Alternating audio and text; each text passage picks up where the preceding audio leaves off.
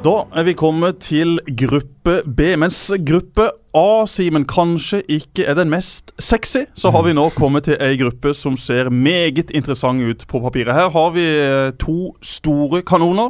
Vi har de regjerende eh, EM-mesterne. Vi har eh, et lag som var verdens beste blant uh, egentlig alt og alle av eksperter for et par år siden. Ikke like heite nå, men ikke veldig langt unna heller. Og så har vi da to lag som eh, får det blytungt med å gå videre fra denne gruppa. I kjent stil så har vi da litt eh, forskjellig snacks om eh, de forskjellige lagene i denne gruppa. Og vi begynner med de regjerende mesterne fra EM i Frankrike, Portugal. Portugal 10,4 millioner innbyggere er det i Portugal. De er i VM bare for syvende gang, må man si. Deres VM-meritter. Første gang de var med i VM, 1966, hvor mesterskapets toppskårer, den store Eusebio, skyter laget til bronse. Det ble fjerdeplass i 2006, men ut i gruppespillet i Brasil for fire år siden.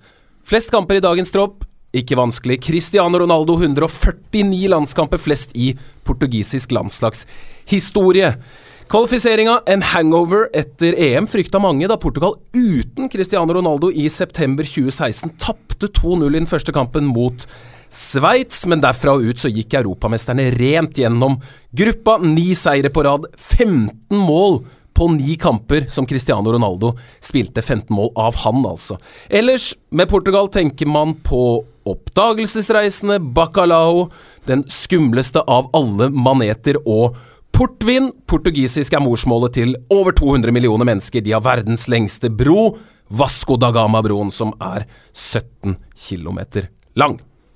Stemmer. Ja. Der eh, lærte jeg en hel del nye ting om eh, Portugal. Portugisisk krigsskip, er det ikke det denne mannen Mm, Stemmer det. Jeg husker vi var så redde, for det var jo ikke noe grunn til det. Men da vi var små, så husker jeg til og med da vi var på Sørlandet og bada på hytta, så var det sånn, en eller annen sånn røver som hadde funnet ut at nei, nå er portugisisk krigsskip på vei til Norge, så da, da var vi redde for det. Ja, Med disse temperaturene så er nok snart dette skipet også på plass. De vant i eh, EM i Frankrike. Det var et eh, mesterskap som eh, vi begge jobba med, Simen. Vi sto inne i et værstudio og lagde forskjellige analyser.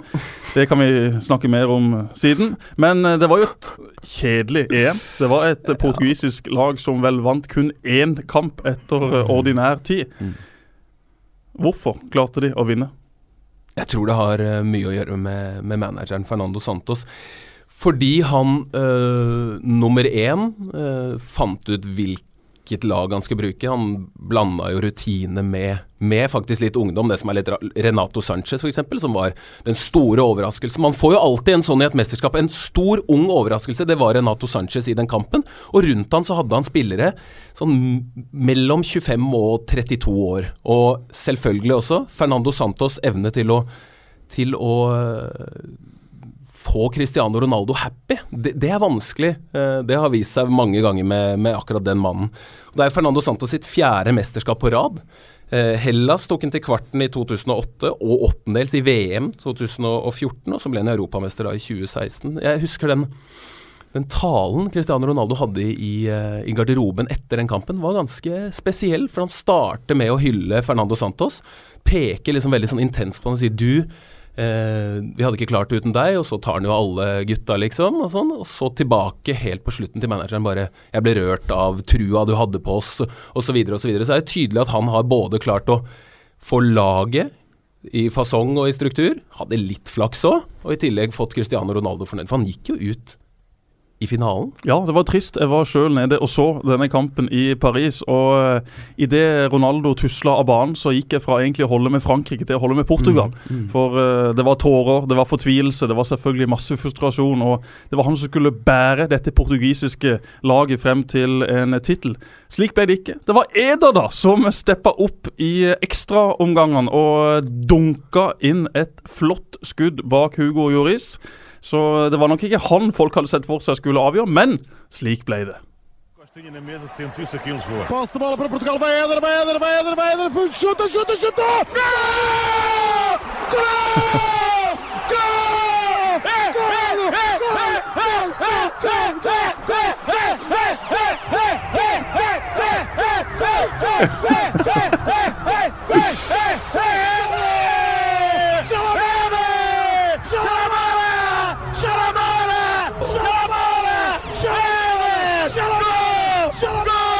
Så er det jo etter dette, da, at manager Fernando Santos sier om Eder at han er den stygge andungen som ble en svane. Og du får ikke sagt det så mye bedre enn det.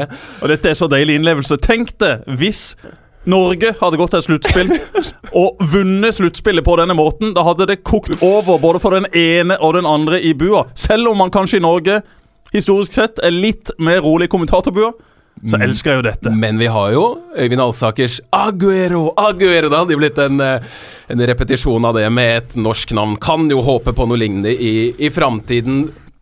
Vi får se.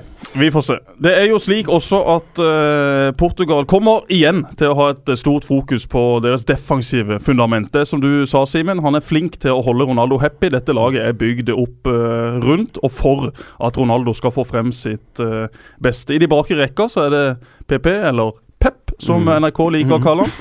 Så har de da Bruno Alves, som er 36 og spiller i Skottland. Han starter nok ikke. Han er nok med som en cover. Så er det da Mr. Fonte. Ja, jeg tror- vi det? ja, Altså, der er vi jeg er dårlig på å uttale Der er vi på font. av navn. Der er vi på font. Ja, så, akkurat. men han Så jeg skal lære mye navn av det i denne podkasten, Simen. Kan vi ikke bare være så snill eh, Bare få det klart en gang for alle. Vi kommer ikke til å klare alle navn. I VM, i hvert fall. Ikke enda.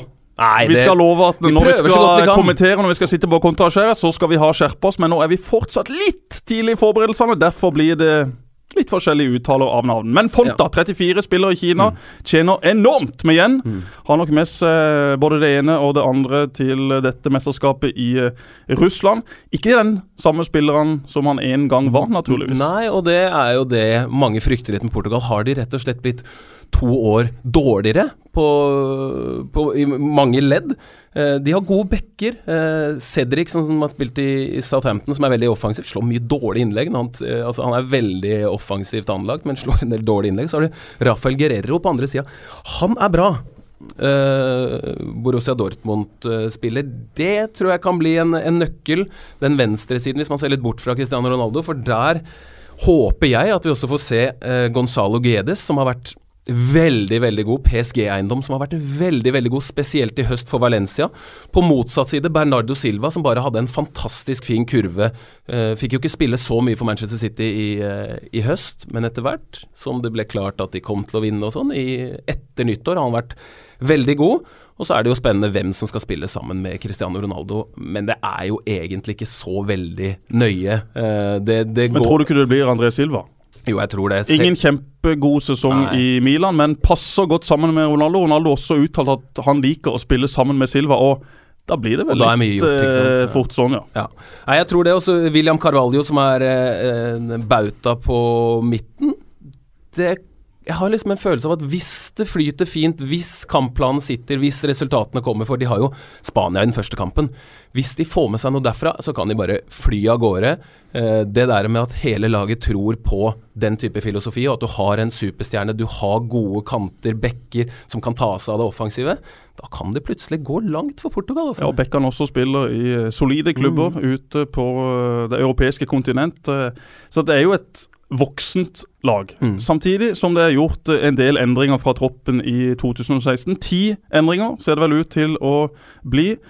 Eh, Eder han er ikke med, dessverre. Nei, dessverre. Renato Sanchez Han har gjort sitt. ikke med. Nei. Nani heller ikke med. Nani var god Mm. i Frankrike i Mm. 2016. Hva skjedde egentlig med Renato Sanchez, Simen? Hvorfor ble det ikke det man eh, trodde det skulle bli? For han var om mulig kanskje den heteste i Ja. i Frankrike for to år siden. det, er jo, det er jo fortsatt en god, veldig god fotballspiller inni der, men i starten av, eh, av tiden hans i Swansea nå, i, i Bayern München, så jeg må innrømme det, jeg, ser ikke nok og følger ikke Bundesliga nok til å, til å vite helt, men konkurransen her er jo tøff, så med en gang han da ikke leverer med en gang, og ikke tar de mulighetene han får, så er det alltid noen som er like god eller bedre som kan gå inn og, og gjøre den jobben. De har Thiago, Arturo Vidal osv. osv. Havi Martinez. Det er, det er mange gode spillere i det Bayern München-laget, så jeg forstår det at det ikke funka. Men i Swansea, det er jo litt merkelig, for der skulle jo han bære veldig mye. Og jeg tror det nettopp er det, da, at, han, at han følte selv at han ikke klarte det, og da gikk det bare i ball. Det var så mye rare ting han gjorde.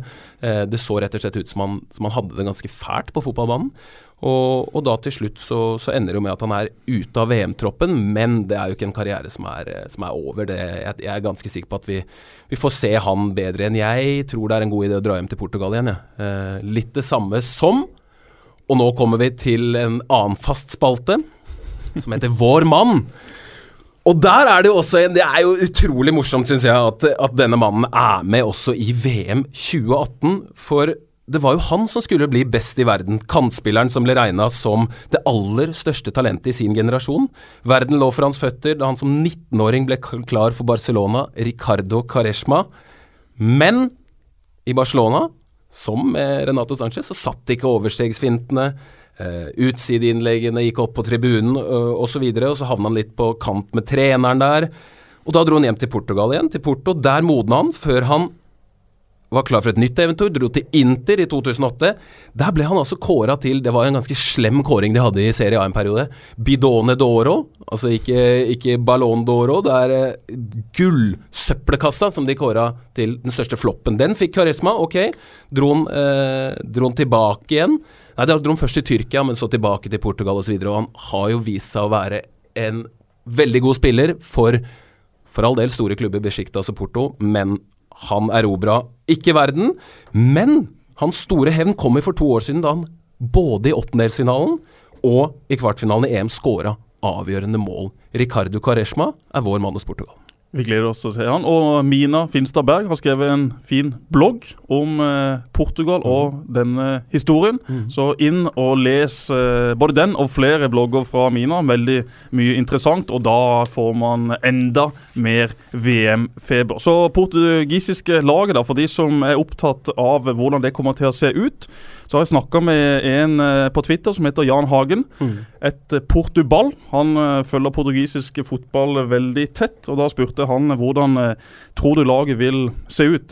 De har jo en keeper som er veldig trygg, veldig god. Rui Patricio. Han er benkers i kassa. Og så har de da på en uh, høyrebekk uh, Cedric, som du var uh, innom. Det kan også bli Ricardo Pereira mm. i uh, kamper hvor de skal styre enda mer, og mot de antatt dårligere lagene i den gruppa. Mm. PP og Font i midtforsvaret kan også bli Ruben Diaz, er det spekulert litt i. En ung, lovende midtstopper fra Benfica. Det forteller egentlig litt om deres utfordringer på stopperplass. Fordi at uh, han uh, har ikke erfaring fra dette nivået tidligere, men ble tatt da ut i uh, VM-troppen. På venstrebekk er det Rafael Guerreiro, og så er det da William Carvalho som er deres eneste midtbaneanker. Han blir ekstremt viktig. Mister de han, så har de egentlig ingen i denne troppen som kan gå inn og ta hans plass, som har det samme nivået. Bernardo Silva, Motinho, eller Adrian uh, Silva. Mm. Og så har du uh, Mario på motsatt kant, og så er det da sannsynligvis Silva og uh, mm. sjefen sjøl på topp. Det er også slik at Gonzalo Guedes har vært god i oppkjøringa til dette mesterskapet.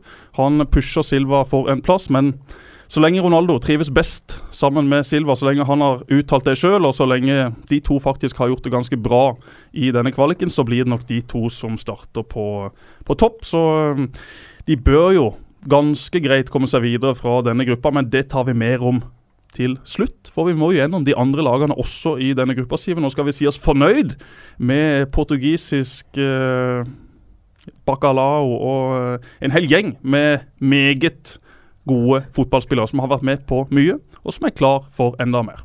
Da har vi vært igjennom et lag vi kjenner, uh, må vi si med Portugal. Nå et lag vi ikke kjenner så godt, det er Marokko. Jeg drar igjennom en liten faktarute om landet fra Nord-Afrika.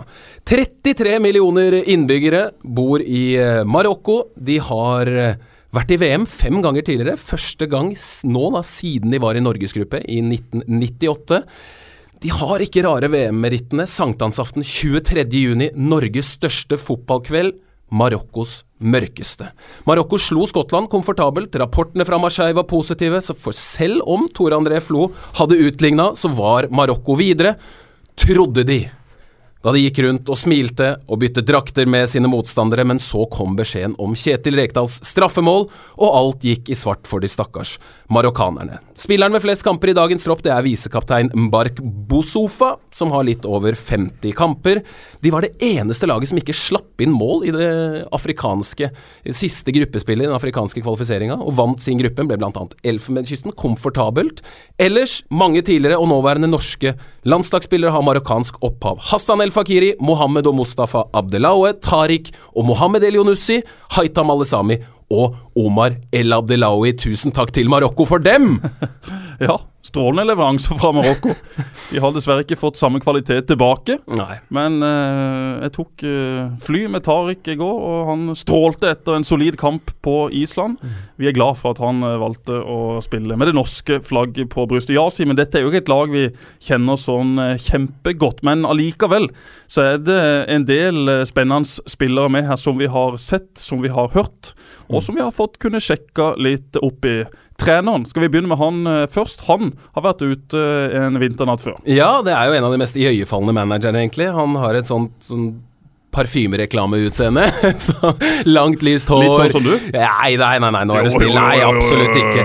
Nei, men han er Simen Norges svar på Zlatan! Nei, nå må vi gi oss. Nå i de litt lavere divisjonene. Renard, nøttebrun i huden, hvit skjorte, blond i håret. Han slutta som semiproff eh, i slutten av 20-åra. Det er jo, det har han til felles med meg, da. Eh, ble manager da han var 30, har reist verden rundt, egentlig. England og Kina først, før han erobra afrikansk fotball. Eh, han var jo mannen bak det sensasjonelle eh, Afrikamesterskapet til Zambia, da de vant, gikk hele veien i 2012. Slo Elfenbenskysten i finalen. Eh, tok deretter over nettopp Elfenbenskysten, vant med de også tre år seinere. Prøvde seg som klubblagstrener i franske Lille. Det gikk ikke! Og nå er han tilbake til det han kan best, nemlig å trene et afrikansk landslag. Og han er i sitt første VM. Det blir jo veldig moro når de har gjort det så bra i kvaliken. Så tenker jeg eh, perfekt eh, utgangspunkt. Da. De har jo lite å tape, er tilbake i festen. Det kommer til å være strålende stemning rundt i et ganske fotballgalt land. Og eh, de får noen store matcher. Og nøkkelkampen er jo den, den første. Må jo starte med den, for hvis de, slår, hvis de ikke slår Iran, så er det blytungt. Det blir eh, blytungt eh, selv om de skulle slå Iran, men eh, de har i alle fall da en en liten mulighet til å gå videre fra denne gruppa. fordi at det er jo Portugal da som blir laget de sånn sett må, må kjempe om å få uh, passert. Og uh, de har jo uh, en Benatti som har gjort comeback på landslaget i de bakre rekker. Det er nok en du kjenner eh, godt. Har vært i Roma, Bayern, og nå er han da i Juventus. Født i Frankrike, altså en fransk marokkaner. Han har 20 kamper for Juve i år. Spiller da kanskje ikke hver uke, kan vi forstå, men en eh, bidragsyter for Ja. den sorte dame. Ja, den er, er klassespiller. Den og- sorte dame. Sorte dame. Gamle Det, dame. det, det, det er Dyreparken. Sånn går det. Altså, Jeg har en sønn. Han er så opptatt av Kaptein Sabeltann. Vi snakker kun om sorte dame, Sabeltann. Pelle og Pysa er så lei. Jeg prøver jo å få han interessert i fotball. Det er altså null interesse. Det er bare sabler og flagg og skuter og årskort og det ene med det andre. Går ut i den der forbanna dyreparken uke etter uke. Prøver å gjemme dette kostymet han har, altså. Men det er sjanseløst. Han går bare rundt og sier hiv ohoi. hoi. Slår med den derre sverdet sitt i vinduer, i gardiner, i mennesker, etter katter, etter rotter. Helt håpløst. Derfor kalte jeg nå Juventus for den sorte dame. Det er det ikke. Men uh, det er så mye Sabeltann, altså. Jøss aleia. Nå går vi også inn i sommeren. Da er det enda mer Sabeltann. Skal vi sikkert på konsert eller forestillinger, forestilling av hva vi kaller det ute eh, klokka 11 med masse grinende unger og det ene med det andre. Jesper, Jesper, Jesper. Vi, dette, dette blir en bra sommer. Jeg beklager. Det blir en bra sommer. Jo, hvor Så sorte dame tok oss Ja, var, på ukjente farvann. Nei, men det jeg skulle si, var at det er en uh, Uff. Det er- en klassemidtstopper med Medi Benatia. Han er um, den, den andre kampen Juventus spilte mot eh, Real Madrid, den var veldig typisk Medi Benatia. Spiller så bra i 90 minutter, så lager han den forbanna straffa. Og, så han, han spiller på grensa veldig ofte. Veldig sånn bryte foran-stopper. Eh, god duellspiller. Bra med ballen og lange steg i det hele tatt. Han tar veldig stor plass. Han er en nøkkelspiller for Marokko, uten tvil. Eh, de ville ha med Munir El Hadadi, Barcelona-spilleren, som har vært på utlån litt, men ettersom han har én kamp, da typisk nok i kvalik for Spania, så, så sa Fifa nei, og sånn er reglene. Uh, Sofian Bofall, som er en veldig god spiller som har vært i Southampton, men som ikke har klart å slå gjennom i Premier League. Han uh, havna i en krangel med Mark Hughes. Og var ute av troppen til Southampton i slutten av sesongen, og det tror jeg kan ha kosta han en plass i VM-troppen. Uh, så det er noen spillere som de kunne ha hatt, men så har de ganske mange gode, og en del unge spillere. Eh, litt sånn vanskelig helt å se om de har eh, matchvinnerne, da. Det, det vil jo tiden vise. Men Hakim Ziyech, som spiller i Mm, Ajax, han eh, har altså en eh, fot, han har en teknikk, han har en forståelse som er helt eh, vanvittig. Hjalp Ajax til Europaligafinalen i 2017. Gå inn på YouTube, søk opp Hakim. Eh, bare sett deg tilbake i sofaen, ta og slå opp en Pepsi Max på bordet og bare kos dere med dette her. Han ble henta fra Tvente for uh, en relativt solid sum, var vel rundt 100 millioner. Ni mål og 17 assist denne sesongen. Spiller uh, offensiv midtbane slash kant. For dere som eh, skal plukke ut spillere som eh, kan plukke poeng i dette mesterskapet, så er Hakim Ziyech en av de mest spennende. Og jeg blir ikke overraska om han forsvinner bort fra Ajax om ikke altfor lang tid. For dette er en sånn spiller som du bare koser deg med. Du har forventninger om at det skal skje noe hver gang han får ballen. Og slike spillere, Simen, det er vi veldig, veldig glad i. Men jeg har valgt en annen som uh, vår mann hos Marokko. Dette er egentlig mer en, en kriger enn en eh, fin spiller. En de færreste rundt han trodde skulle bli fotballspiller. Nordin Amrabat ble født nord i Nederland i mars 1987, som deg, Jesper. Men i 2004, da du fløy rundt og skåra hat trick i U17 EM-kvalik og var ønska av Feinord, så hadde han fått beskjeden av sin far om at han måtte kutte ut satsingen på fotball og slutte i Ajax. Han hadde nemlig fått kneskaden slatters. Han spilte likevel litt fotball som amatør, samtidig som han tok oppvasken på en restaurant og gjorde rent på skoler for å tjene penger. Men plutselig, da han var 20 år, så ble han oppdaga av ikke Feinor, men PSV Eindhoven, og to år senere spilte han altså Champions League. Siden så har han spilt i den øverste divisjonen i Nederland, Tyrkia, England og Spania, og nå så skal den en gang fortapte Nordin Amrabat spille i sitt første VM, og her sitter du og er idrettsinvalid, Jesper. Ja, jeg har også hatt uh, slatters, men jeg hadde det litt tidligere enn han, fordi at jeg vokste nok eh, 10-12 cm i år og ble jo to meter ganske kjapt.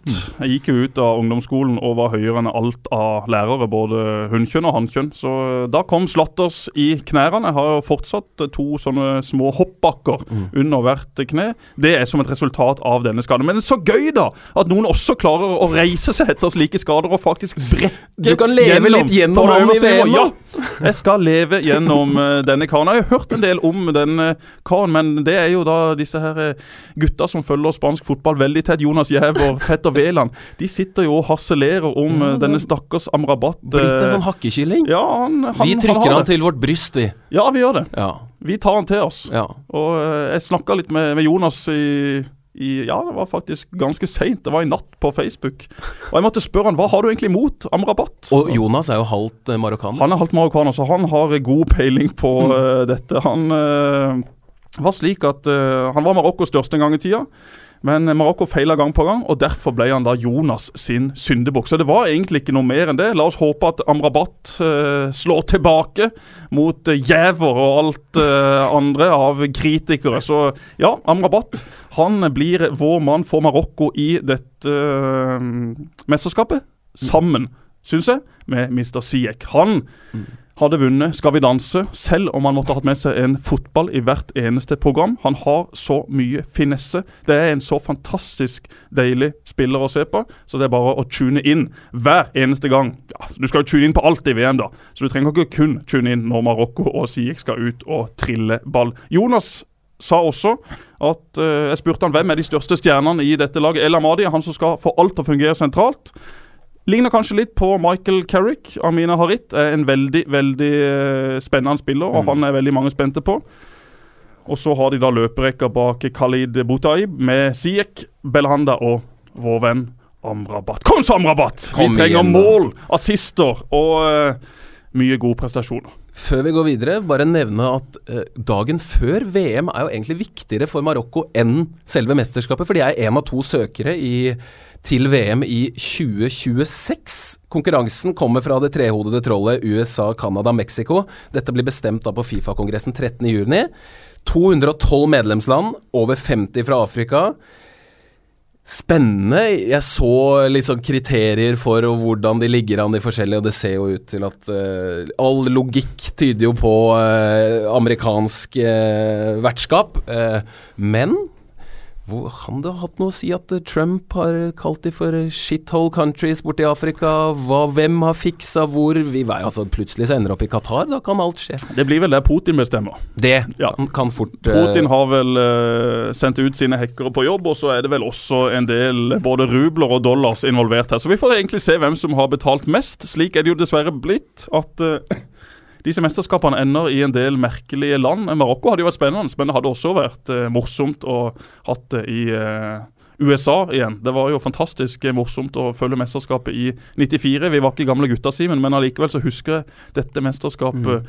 veldig godt. Eh, med Romario og Bebeto og min far som dekka dette mesterskapet. Jeg husker jeg lå og grein Mm. som en liten unge, og jeg var jo relativt liten også, fordi at han skulle være borte i en måned. Det var ja, trist, men jeg hørte jo stemmen hans innimellom. og så fikk jeg altså en bærepose med Panini fotballkort da han kom hjem. Så da var det greit igjen. Det var så mye Panini fotballkort. Han hadde sikkert kjøpt de på salg rett etter mesterskapet, vet du, så det var jo masse kort for en relativt billig penge. Jeg kunne sittet og åpna det igjen. Jeg har det hjemme. Masse kort. Og jeg kjøpte faktisk nye Panini-kort uh, på Island nå i helga. Mm fikk kjøpt fem pakker, og det kan godt være at ting har endra seg, men jeg fikk sinnssykt gode fotballspillere i disse mm. pakkene. Mulig at Island har en spesiell avtale med Panini. Det var jo krise der oppe for noen år siden. Kanskje har de gitt beskjed til Panini om at ungene våre har ikke råd til å kjøpe så veldig mange pakker, så gi oss kvalitetspakker. Mm. Neymar Oi, oi, oi, mye morsomt. mye morsomt. Det skal vi høre mer om uh, siden. De har også en uh, spiller som uh, man skal bli kjent med i Premier League neste sesong. Size, som har spilt defensiv midtbane for Wolverhampton. Har en imponerende duellstyrke vond å møte i dueller, og så er han en trussel på offensive dødballer. I uh, Marokko så spiller han da stopper sammen med Benatti, så de har et uh, robust stopperpar. Han er med. Litt overraskende at Ruben Neves ikke er med for, eh, for Portugal, men uh, der er det mange gode. Vi raser videre, vi, til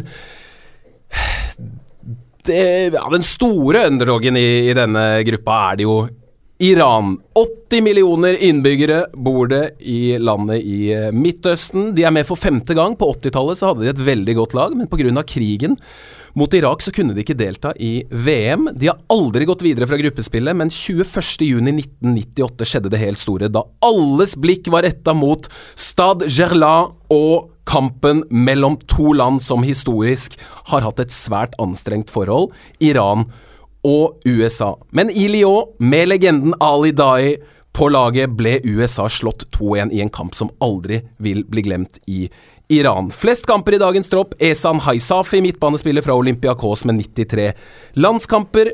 I kvalifiseringen ja, dette var kanskje den sterkeste kvalifiseringen gjort ut fra forutsetninger av noe lag, vil jeg påstå.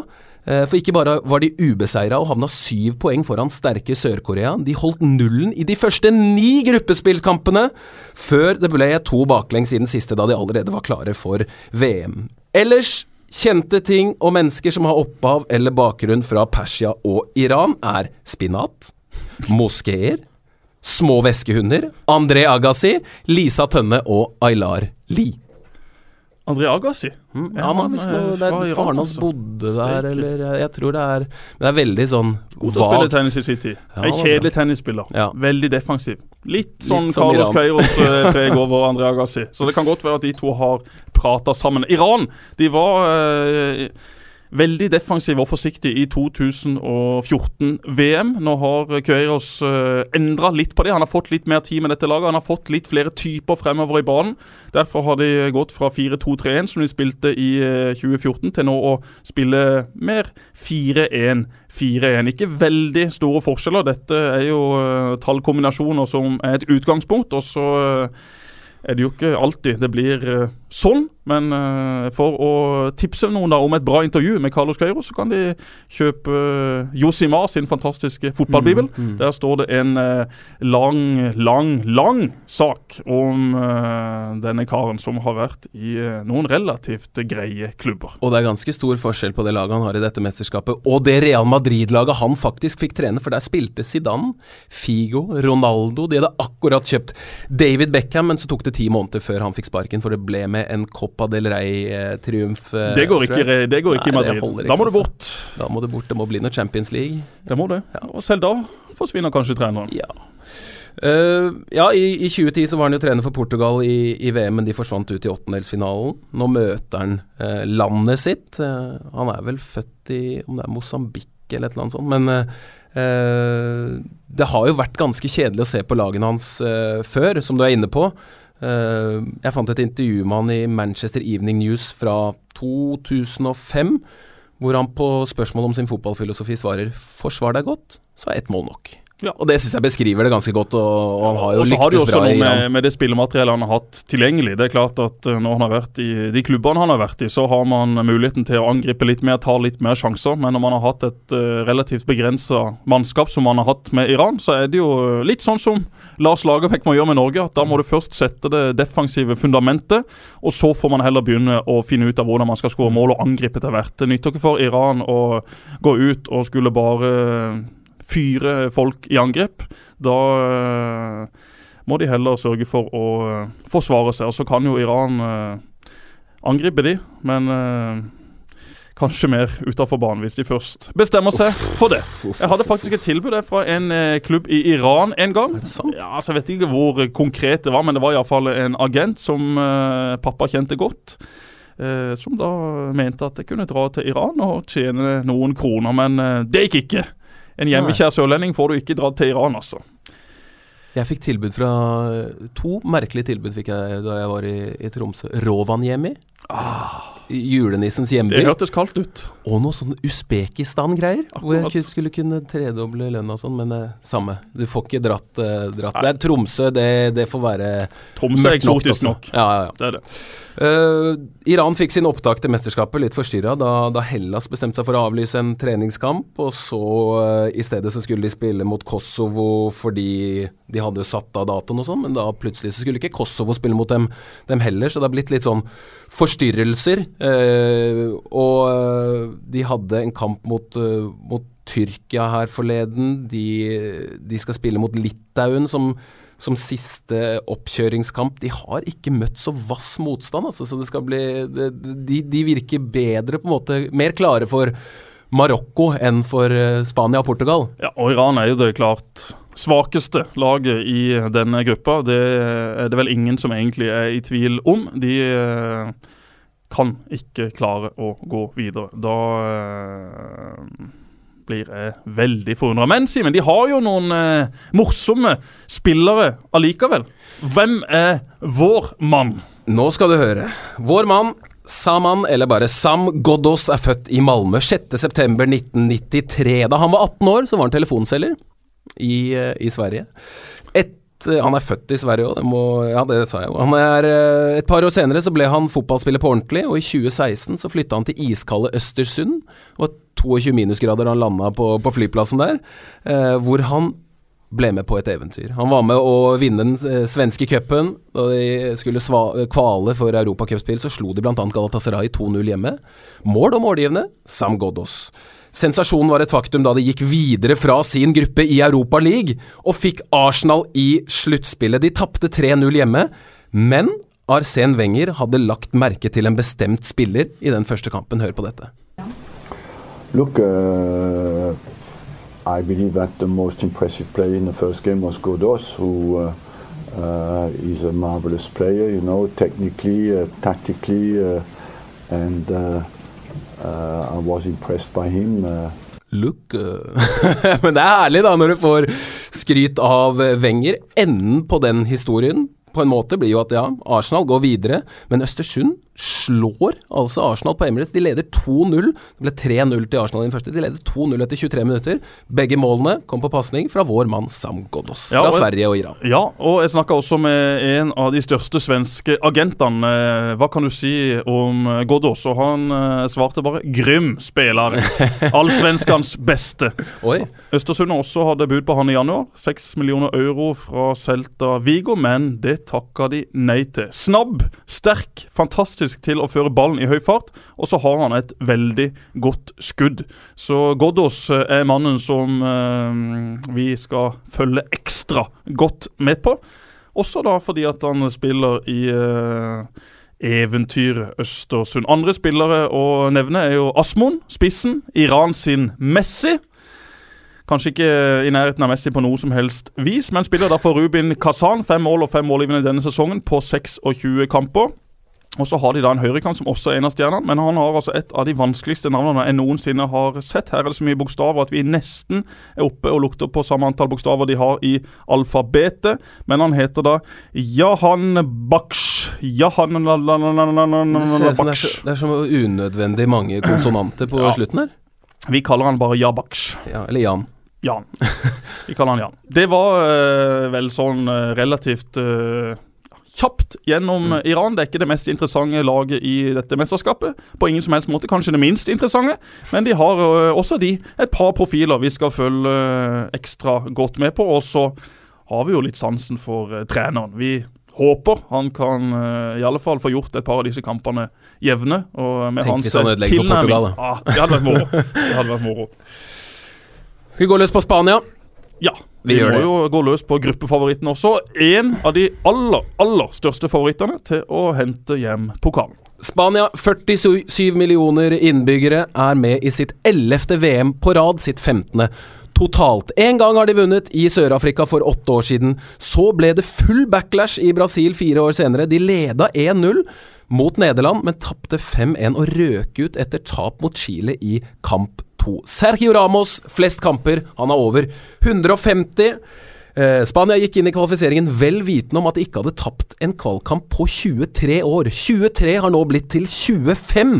All eventuell tvil ble feid til side i september 2017, da de slo Italia 3-0 hjemme. Fasit etter ti kamper 28 poeng og en målforskjell på 36-3.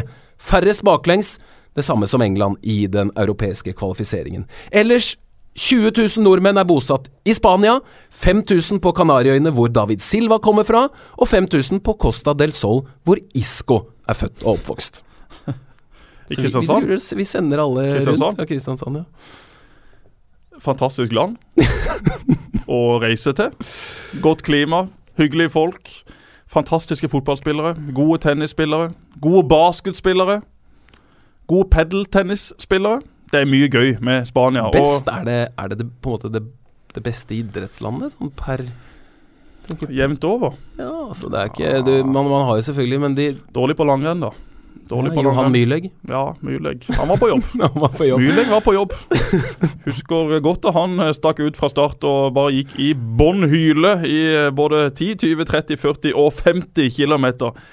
Hadde vært litt gøy hvis langrenn var åpna opp for doping, sammen med sykling. Det har vært så mye rør at kunne ikke alle bare fått lov til å bruke litt forskjellige medikamenter, så hadde vi fått noen helt elleville opplevelser. Det var bare tull. Jeg har ikke noe eh, motiv om å snakke inn doping, men Myrleg han, han var iallfall god til å gå på ski, selv om han brukte litt forskjellige fluortabletter. Og det er jo faktisk muligheter i Spania. Jeg tror er nede ved Granada, hvor det er Det ligger rett ved Sierra Nevada, så sånn ganske store deler av året så kan man uh, stå, på, stå og gå på ski på formiddagen, og dra ned på, på stranda i god temperatur og sole seg på, på ettermiddagen. For alle vi som har spilt fotball i Norge, vi har jo vært på diverse treningsleirer til La Manga. Der kunne vi sitt- sittet og snakka både én og to timer om eh, diverse historier og ting altså. som hadde skjedd der.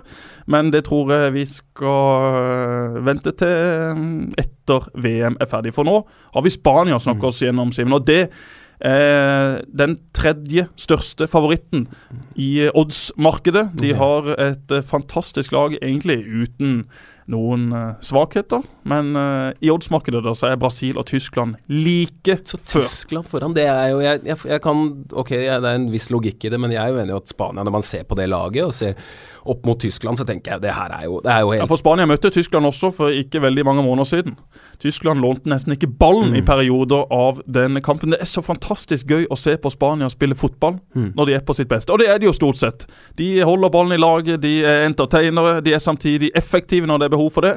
Og så er de solide defensivt. Det ble riktignok en eh, tabbe fra De Gea i eh, går. Ja, det er så uh, Kasta inn en uh, ball i nettet der mot uh, Sveits. Stor oppfordring om konsentrasjon og liksom i spansk men nå, opp, opp, opp, men kanskje det er, det er den wake-up-callen han trenger, de trenger, for han gjør jo så sjelden feil. Det er bare sånn wow! Når han gjør en feil, så tenker man liksom at det det ikke er mulig i det, i det hele tatt. Da tror jeg nesten at det er fordi at han er for lite konsentrert. da. Gjør ikke det i VM. Det var bare en liten wake-up call. Ingen, uh, ingen, krise for Spania, selvfølgelig. De er i rute. Og Ramos og Piquet, det er stopperparet. Det blir ja. ikke så veldig mye bedre enn det. De kommer fra to klubber som ikke er altfor glad i hverandre. Og de driver jo og harselerer litt med hverandre på Det virker som at de er veldig det er litt av greia at de kødder litt med hverandre, rett og slett sånn vennskapelig. Men det er jo storpolitikk inni det også, for Ramos er jo nesten sånn symbol på Spania og Piquet symbol på Catalonia. Der er det hett nå, altså. Ja, og Piquet står ikke veldig høyt i kurs hos uh, de spanske supporterne. Blir PP ut, mm. uh, får uh, masse kritikk og har vel også vært ganske klar på at han ikke gidder mer etter dette VM hvis dette her fortsetter. Og så har de jo en som, som samler nasjonen mer, da. Den mest populære spilleren som vi nå antagelig ser i ja, Vi ser han jo i, siste, i sitt siste VM, Andres Iniesta, som bare er altså, Hver gang man kan se han spille fotball, så er det jo bare å si tusen hjertelig takk. Altså, han er så god. Fortsatt! Jeg syns han er Ok, det går litt treigere, men den bare sånn nytelsen Han og David Silva der inne på samme lag, og så har man Hvis vi skal bare kjapt dra gjennom det jeg tenker vil være det, det beste laget, og så, og så er det jo Uh, alltid noen som melder seg på, og så blir det ikke helt som man tror. Men uh, De Hea i mål, greit nok. Uh, den er bankers. Aspille Coeta eller uh, Odriozola, som, som kom inn nå, ung, baskisk Hva er det med basker, egentlig? De er så gode. Aspille Coeta er jo også basker. Det er bare et eller annet sånn Den området der i verden der lages det så mange gode fotballspillere. Så det blir en av de to på høyre bekk. Ramas Piquet. Enkelt og greit. Eh, Alba. Jeg tror også at det blir Busquets og Kåke.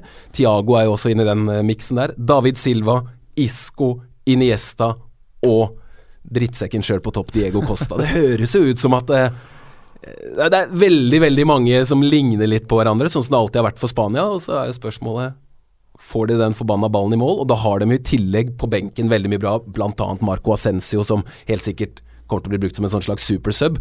Men han har jo det derre dra bare til eh, fra 25 og innover, så er det Han skårer kun deilige mål. Han skårer kun mål som hadde gått rett til topps i enhver kåring. Altså, for et treff på ballen. Det er noen spillere som bare har en sånn fantastisk tilslagsteknikk at du kan nesten ikke fatte det. Han bruker mye kraft, ja, men det er ikke kraften som er imponerende. Det er jo måten han gjennomfører sparket på. Det er så avslappa, det er så perfekt utført teknisk. Det er som å se Tiger Woods mm. slå en uh, drive. Det er som å se Roger Federer slå et uh, slag i tennis. Dette er så aldeles nydelig å se på. Så for de som ikke har sett så mye til Ascencio, bare gå inn på YouTube. Google eller YouTube Ascencio, og så får dere en uh, høydere av ei høydepunktpakke. Så det er bare å glede seg til han kommer seg på jobb. Om ikke han starter, så kommer han til å få betydelige antall minutter. Og han har jo, som du sier, Simen, litt andre ferdigheter enn mm. et par av disse andre. Isco kan drible seg ut av en iPhone. Mm. Han har altså en uh, teknikk, et blikk har også vært målfarlig for Spania. Har egentlig en mer sentral rolle på Spania enn det han har i Real mm. Madrid. Og eh, den kampen han hadde mot Italia, var useriøs. Ja, ja, Nei, det skulle men, nesten ikke vært lov. Han nei. skulle egentlig vært bytta ut av det spanske laget for å drite ut en hel gjeng med gode fotballspillere fra mm. et av dine favorittlag, Simen. Det var ikke morsomt å eh, spille på eh, den sorte dame. Nei da. Det var ikke morsomt å spille for Italia i, i, det, i den kampen der. Altså. Nei, nei, det er jo Altså, men det er jo så spesielt å se når det foregår på et så høyt nivå, og noen spillere er så mye bedre enn de andre. Da blir det også litt sånn som uten sammenligning for øvrig. Når man ser Messi, så er det bare sånn Ja, ok. Uh, han er bare så fordømt mye bedre enn alle de andre, og dette er Og fotball har aldri vært bedre, osv., osv. Da er det liksom Da kan man ikke bli så veldig mye mer imponert. Og Isco, der handler det vel Kanskje noen ganger litt om tenningsnivå, uh, men jeg, jeg, tenker det er greit. Bare la han holde på. La de andre gjøre, gjøre, jobben, så kan han spille fotball. Det er en av de, jeg mener en av de i hvert fall ti beste til å gjøre i, i verden. Også. Og Det som taler for at Spania kan gå hele veien, hvis vi da sammenligner f.eks. med Frankrike og Belgia, som uh, kanskje har vel så god lag på papiret, er jo at disse gutta har erfaring. Mm. Dette er kanskje deres siste mulighet til å ta dette mesterskapet. Det er mye av det som har vært. Samtidig så er det en del nye, spennende spillere som har vært med på å fornye ja. og kanskje forbedre dette spanske laget i en del faser. Ikke sant, og manager òg. Han uh, Lopetegui uten store meritter som spiller. Én kamp for, for Spania, gammel keeper. Han hadde U21-landslaget, som vi husker godt, som var så sterke i, i 2013 da de slo Norge i, i semien i, i, EM. Fem fra den stallen er med i VM, men ikke Alvaro Morata, som var toppskårer der. Eh, skulle liksom bli den nye store. Ja, dine reaksjoner på, på det, Simen? Jeg synes, ja, altså Det er helt, helt ok. Jeg, jeg, forstår veldig godt at sånne som Rodrigo og Iago Aspas, som har hatt veldig gode sesonger, er med. Uh, vil, jeg har sett Morata noen ganger han blir bytta ut, altså han ikke starter sånn negativt kroppsspråk. Jeg tror han legger veldig mye ansvar på skuldra sine. Han ikke klarer å leve opp til forventningene. Trives han ikke i, i, Chelsea? Vil han, jeg, vil han bort? Jeg, er det for kaldt? Er det for mye regn? Jeg synes det virker Er det for langt unna Costa del Sol? Ja, det er mulig, men jeg tror det virker som at han ikke Altså, Han er så avhengig av å være komfortsonen. Og i Antonio Contes Chelsea, Premier League-kamper eh, det er, det er, ganske langt unna det å, å, få noen innhopp for et mye bedre lag som Real Madrid har vært. og det sånn, nei, jeg, jeg, tror rett og slett at, eh, at, dette har vært et år hvor han ikke Altså Han har ikke blitt en bedre fotballspiller, men han, han har fått noen erfaringer som jeg tror gjør han rikere. og så, så, er han ute nå, så kan han være tilbake igjen. Han er fortsatt ung. Eh, jeg syns det er helt fair at han er ute av, uh, ute av laget, når man ser hva ellers de har. Uh, det er jo mye ballbesittelse. De får motstanderne til å løpe imellom. Høyt press uten ball, artig å se på, krevende å utføre. Det de i tillegg har, men som kanskje jeg føler at Diego Costa er litt sånn unik da framover på banen, det er det killerinstinktet, da. Uh, som Morata også har, men han er ute av form, så den er grei. Iago Aspas, Rodrigo, de, de kan vel sikkert bidra, de også, men uh, hvis Man blir jo litt engstelig at hvis det starter dårlig, litt sånn som i, i Brasil. Er det, er den, det du sier, det med erfaring at de har gjort det før, at de har vunnet før, går det utover sulten, eller er det bra for at de bare beholder roa og fortsetter å spille? Men tror du ikke det at de har gjort det uh, veldig begrensa i de siste mesterskapene? Mm. Trigger de at de nå er klare for å virkelig slå tilbake? De har, som du var innom helt i begynnelsen her, Simen, vært enormt gode i kvaliken. De har pepra inn mål hos motstanderen, og så har det egentlig vært stengt bakover. Også et par treningskamper som bare har vært sånn wow dette her laget blir ekstremt vanskelig å slå i Russland. Så eh, jeg tror de er sultne. Jeg tror de er klare for å revansjere seg. Og om de skulle gå på en smell i gruppespillet, så kommer de seg videre uansett. Eh, det er såpass eh, ikke enkel motstand, men det er iallfall de, altså, de vinner to av tre kamper her nesten uansett. Og da er de videre. Vår mann ja, Den hvem er, det? Ja, det er, Her er det mange å velge i. Det er jo mange å velge sånn rent, hvis du tenker på fotball. Har du tatt en av grisene? Ja, det Sergio Ramos? Jeg kunne godt ha gjort det. Jeg kunne godt ha tatt Diego Costa. Jeg, jeg, liker de, da. Jeg liker de også, jeg liker de også men uh, det må ikke være noe tvil om at uh, de to har sine mørke sider som fotballspiller. Men det er jo også uh, Sjarmerende på en måte. Nei, det er ikke sjarmerende når Ramos skal skade spillere når han har prøvd å kveste Messi mm. i diverse El Clásico-oppgjør. Men eh, de har noe med seg som fotballspiller som en del norske fotballspillere rett og slett mangler. Det kan ofte bli litt for snilt. Vi skal være litt for gode venner. Ingen kan ta Costa og Ramos på at de har vært med og vunnet en hel haug av fotballkamper og trofeer. Og så kommer de garantert til å være involvert i tumulter eh, også i både gruppespill og etter hvert sluttspill. Men hvem er vår mann, Simen? Vår mann er en som ikke kommer til å spille. PP Reina. Med i EM 2008. Spilte én kamp, da var de allerede klare for sluttspillet. Med i VM 2010 spilte ikke. Med i EM 2012 spilte ikke. Med i VM 2014 spilte én kamp. Da hadde de allerede røket ut. Så var han ikke med i Frankrike for to år siden. Men nå virker det som at, uh, at uh, Lopetegui har skjønt at dette er en mann man må ha med. Grunnen til at han er vår mann, er jo selvfølgelig ikke det han har gjort på banen, men bl.a. som konferansier på seiersfestene til Spania.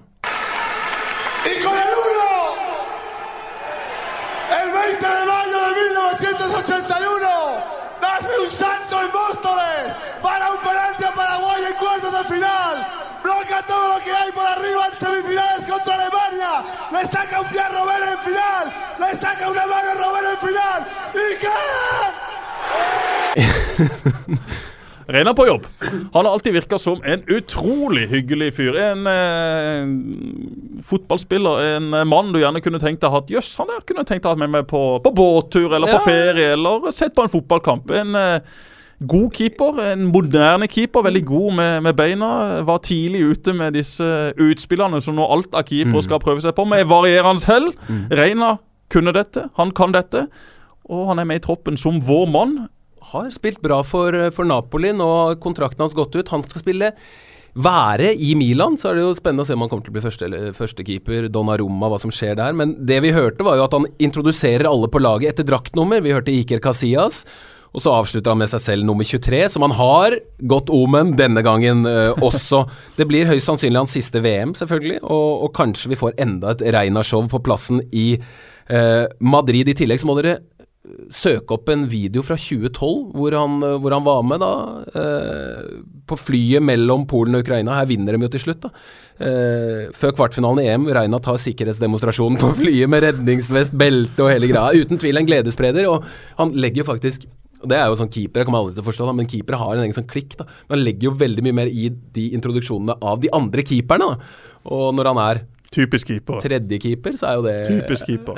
ja, de har Men du sånn- skal ikke undervurdere altså, det å ha med sånne typer i et mesterskap. Det å være samla som en gruppe, enten det er på treningsleir eh, ja, VM og EM, det vet jo ikke vi så veldig mye om å være i, Simen. Men vi kan iallfall forestille oss hvordan det er. Du er sammen over lang, lang tid. Det der å ha noen eh, mennesker som kan bryte opp litt, som kan være litt sprø, som kan være litt uforutsigbare, som kan være litt Marius Skjelbæk, da. Mm. Ja, sånn som vi har med oss på våre turer. Altså Det å ha noen sånne typer, det er utrolig morsomt og ikke minst viktig for å bevare energien og humøret gjennom mange, lange, tunge uker i Putins rike. Jeg har fått høre at uh, Johan Kaggestad han har jo lagt sin elsk på Marius Skjelbæk nettopp pga. disse tingene. Drillo ville ha med Mini på landslaget, selv om det var liksom litt i vannskorpa. Var ikke sikker på om han da alltid var bra nok.